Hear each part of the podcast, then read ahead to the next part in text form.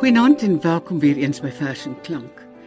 Vanaand het ek weer vir Daniel Hugo hier by my want ons gaan kyk na werk van Herman de Koning wat Daniel vertaal het uit die Nederlands na Afrikaans natuurlik. En ehm um, die bundel wat hy saamgebring het, se titel is Die lenige liefde van Protea. Baie welkom Daniel. Baie dankie Marga. Vertel vir ons iets van de Koning. Ja, Herman de Koning is 'n Vlaamse digter wat uh, baie jonk oorlede is. Hy was 53 jaar oud in 1997. Hy het gedebuteer in 1969 toe hy 25 jaar oud was, veral met liefdesgedigte en hy het onmiddellik baie gewild geraak onder jong mense, studente. En die opvallendste kenmerk van sy gedigte is die ongelooflike beelde wat hy skep.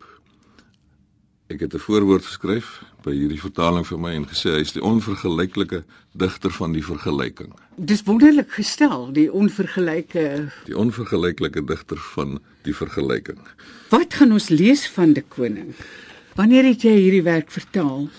Eintlik het ek dit in twee sessies vertaal. Herman de Koning was een van die eerste skrywers wat ek uit Nederlands vertaal het en ek het aanvanklik net uit sy eerste 3 bundels gedigte vertaal onder die titel Liefde Miskien wat verskyn het in 1996. Dit was uh, net 'n jaar voor die koning oorlede is. En toe 10 jaar later het uh, Nicole Stassen van Protea Boekhuis my gevra om die vertaling aan te vul sodat hy 'n nuwe bundel kon uitgee. Dit het dan verskyn in 2009 onder die titel Die lenige liefde. So daar is nou 20 gedigte van die ou vertalings en 30 nuwe vertalings in hierdie bundel. Het jy hom ontmoet? Ja, ek het hom ontmoet 'n hele paar keer. Hy was in Suid-Afrika juis vir die bekendstelling van daardie eerste vertaling Liefde Miskien. Mm. Dit was in 1996. En voor dit nog ook 'n paar keer. Hy het byvoorbeeld die eh, Klein Karoo Nasionale Kunstefees besoek 'n keer of wat. Sy vrou is ook 'n bekende skrywer van romans, Christine Hemmerrechts. Maar die is nog nie vertaal nie. Nee, nog nie een van haar romans is in Afrikaans vertaal nie. Verstaan hy Afrikaans? Kon hy jou vertalings lees? Ja, hy het hy het, evalueer. Hy het die vertalings gelees. Ons het daardie nog per faks gekommunikeer. Dit was ja. voor die tyd van e-pos en uh, hy het 'n paar vrae gevra en 'n paar voorstelle gemaak. Ja. Nee, sy Afrikaans uit Afrikaans goed verstaan. Ja. Hmm. Wat gaan ons lees? Een van sy heel vroegste gedigte wat is kom uit daardie debuutbundel van hom, Die lenige liefde van 1969, denkend aan vroeëre gedigte. Ons was jonk. Ons het die taal soos 'n perd bestyg en uitdagend oor die velde gery, lassos van woorde geslinger na alles wat ons wou verower. O, dit was dolle, roekelose ritte. Wees tog maar versigtig het die kritisie agter ons aangeroep. En saans het die taal nog gestaan en natrol op stil in 'n gedig. Runnekind van heimwee na die maan en na die verste betekenisse.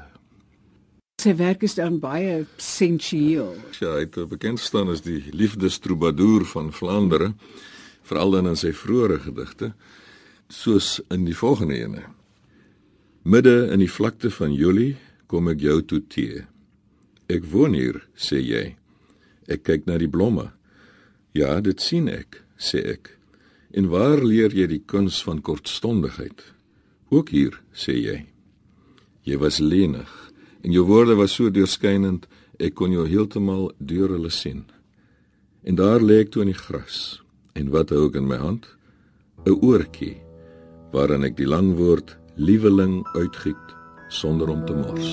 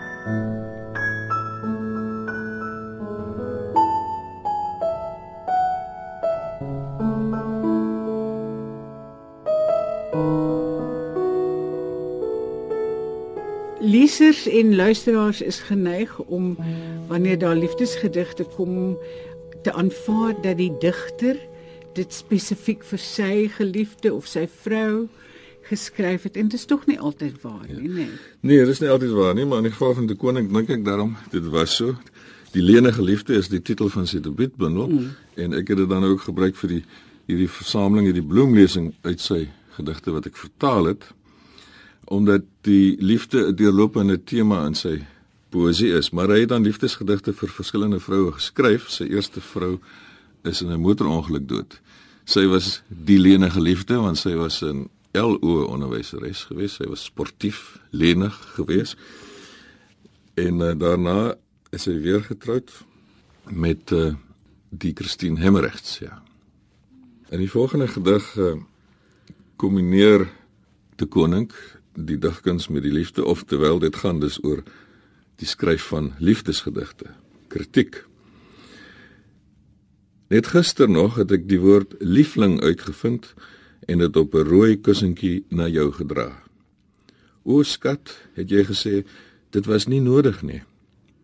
Maar jy het goed laat merk hoe bly jy is. In verlede week het ek geskryf, ek het jou lief oor die manier waarop jy my hoofpyn besorg en die hoofpyn dan pamperlang. Toe jy dit lees, kry ek 'n enorme soen. Daar het jy nou literêre kritiek. Ja.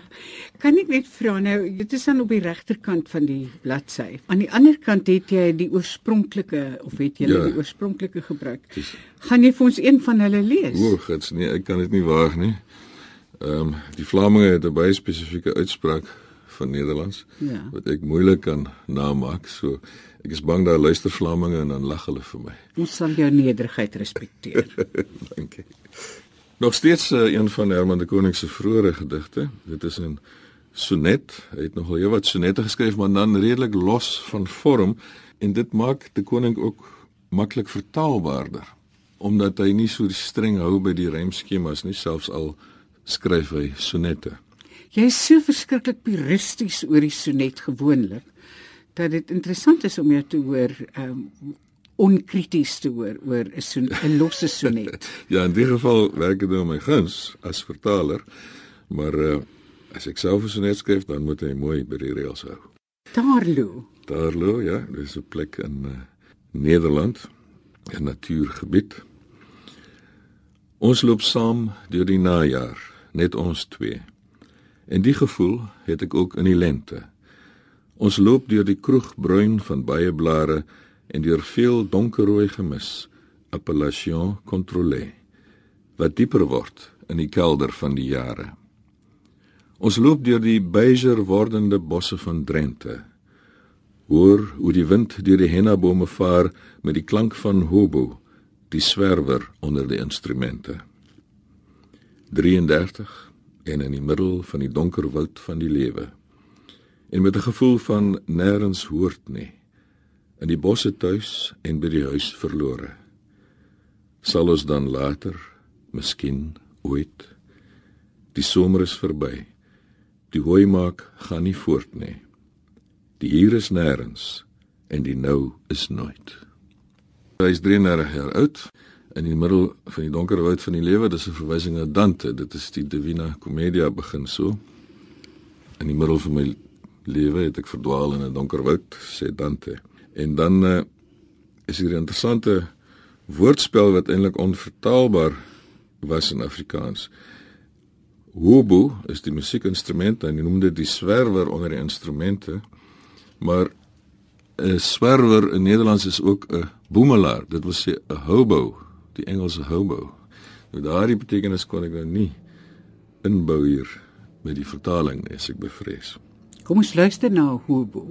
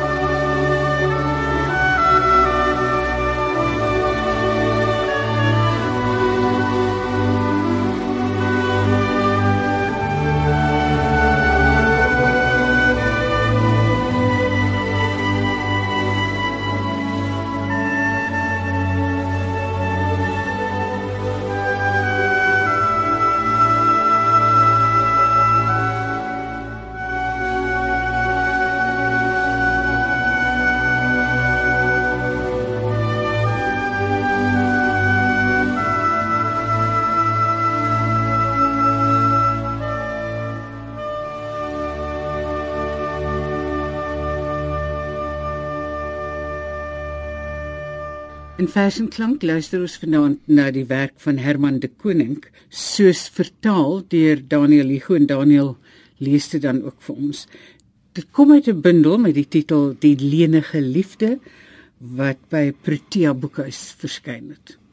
Daniel en nou 'n vers met die wonderlike titel Poesie. Ja. Ja, die koning uh, was baie bewus daarvan dat hy 'n digter is en gedigte skryf en hy dan ook dikwels geskryf oor die maak van poësie soos wat jy vir 'n siek dogtertjie sê, my miniatuurmensie, my selfgemaakte verdrietjie en dit help nie.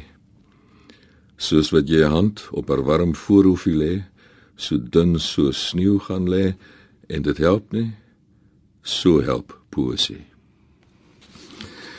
En dan weer 'n sonnet van Herman de Koning, 'n liefdesgedig vir mekaar.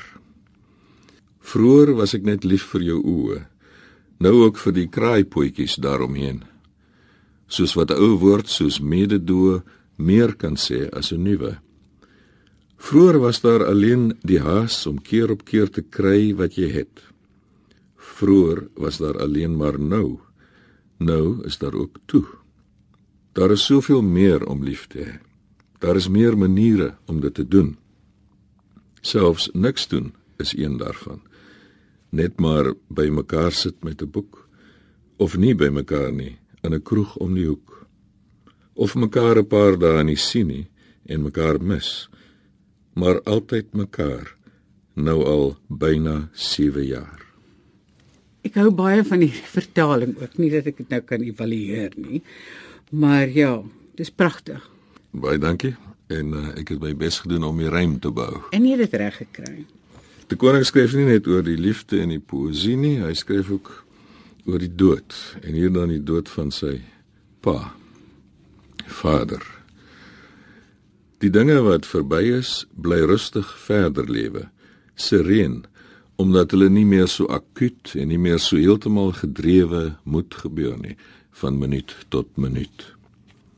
Soos my vader, sedert hy gesterf het, ook in my drome al 'n paar keer dood maar traar want hy het al die tyd daarvoor 'n ewigheid en tog leef hy verder verder en ietwat vaar.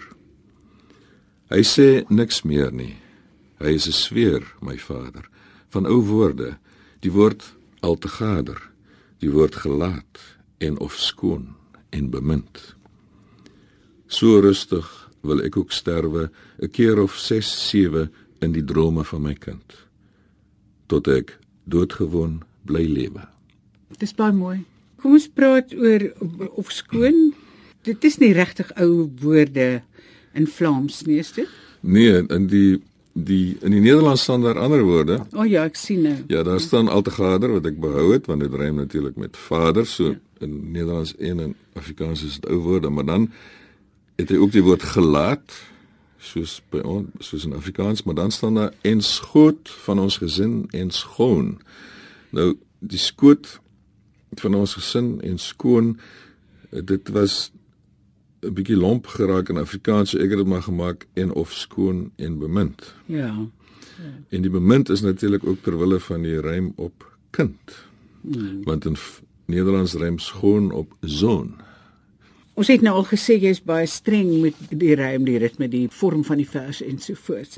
Is dit vir jou maklik om woorde te vervang soos jy nou daar gedoen het om die rym te behou of om rym te verkry? Voel jy skuldig as jy dit doen? Nee, nee, want ek beskou die vorm veral as dit so net is soos in daardie geval so belangrik dat uh, dit nodig is om die rym te behou en of ruimte verkry. Ja. En dan kan moet jy ook soms die betekenis verander. Nou daar is nie so groot betekenisverskil van son na kind nie byvoorbeeld. So dit ek voel nie sleg daaroor nie. maar in ander gevalle, goed, maar daaroor gaan ek nie praat nie. Ja. Goed. Nou ongetitelde vers. Ja, dan uh, dit kom uit 'n reeks gedigte, dis natuurgedigte. En dit kom dan dit is dan van uh, Herman de Koning se latere verse. Sy latere verse is heelwat meer dig, kripties en sintakties ingewikkeld. So dit was heelwat moeiliker om sy latere verse te vertaal. Hier is dan een wat ek probeer het 'n natuurgedig. Ek weet goed dat hulle daar agter lê, die rou wat dit alles oor hulle heen laat gaan, berge van onverskilligheid. Hoë bome vang die meeste wind, berge nie. Wind getuig van weggaan, berge bly en werk vannag aan steenkool, soos wat ook my drome werk aan pikswart ink waarmee ek môre skryf. Verduidelik vir my hoekom sê jy dis digter as sy vorige werk? Nee, hierdie ene nou nie. Hierdie ene is nou van die toegankliker en maklik vertaalbaarder, maar uh, daar is ander wat ons hopelik sal by uitkom om uh, my stelling te demonstreer. Ek het aanvanklik gesê dat uh, Herman de Koning is die onvergelyklike digter van die vergelyking. En uh, hier is 'n gedig wat eintlik werk met die vergelyking as uitgangspunt en hy sê op die ou end dinge is net hulle self. Eintlik kan jy nie dinge werklik vergelyk met iets anders nie. Al probeer die digter dit gereeld doen. In hierdie gedig sal ons maar sê bewys hy die onmoontlikheid van 'n egte oortuigende vergelyking want dinge is net hulle self. Soos hierdie eiland aan die meeuwe behoort en die meeuwe aan hul gekruis en hul gekruis aan die wind en die wind aan niemand so behoort hierdie eiland aan die meeuwe en die meeuwe aan hul gekruis en hul gekruis aan die wind en die wind aan niemand soos so is die vergelyking maar die dinge wat dis op die einde hier met net met self vergelyk hier is uh, dan nou 'n langer en 'n ingewikkelder vers van die koning wat dan nou uh, ook werk met die vergelyking. Hierso het hy nogal uitvoerige vergelykings. So delikaat soos deurskynende papiertjies tussen die bladsye van 'n duur etsboek lê die lig, amper ligblou hier oor alles heen. Bladsy 1991. sien en ons sien is dieselfde. So is dit nou. Soos wat die huis slaap, af en toe tik 'n reendruppel uit die lekkende geut, noukeurig soos uit 'n pipet. 3 druppels per uur, het die dokter vir God gesê, dit is genoeg om die wêreld te laat slaap. So is dit altyd. Onder melkwee, onder ligjare verte, onder donker jare nag. En dit begin saggies reën, asof iemand 'n 1001 spelde laat val wat hy binnekort weer almal moet optel. So is dit oral. So is dit nou, nou, nou tot dit op is. Ja, ek hou hiervan. Ek is bly en dit is dan nou uitvoerige en ingewikkelde vergelykings wat hy daar gebruik. Dan een van Herman de Koning se latere verse, nog steeds die vergelyking, die titel is net soos Herman de Koning was 'n uh, kettingroker geweest en dit uh, het waarskynlik dan ook die hartaanval aangebring waaraan hy dood is op 53 jarige leeftyd in 1997. Net soos ek van knoflou by lamsvleis, so voeg ek tabak by lug om my asem te geur voordat ek dit uitblaas. Elke keer asof dit die laaste is. Ek het die tydelike met die ewige dikwels genoeg verwissel in my poesie om te weet dat ek die tydelike verkies. Betekenis. Dit is die lakens wat 'n naakte vrou haastig oor haar optrek. Ek trek dit weer weg.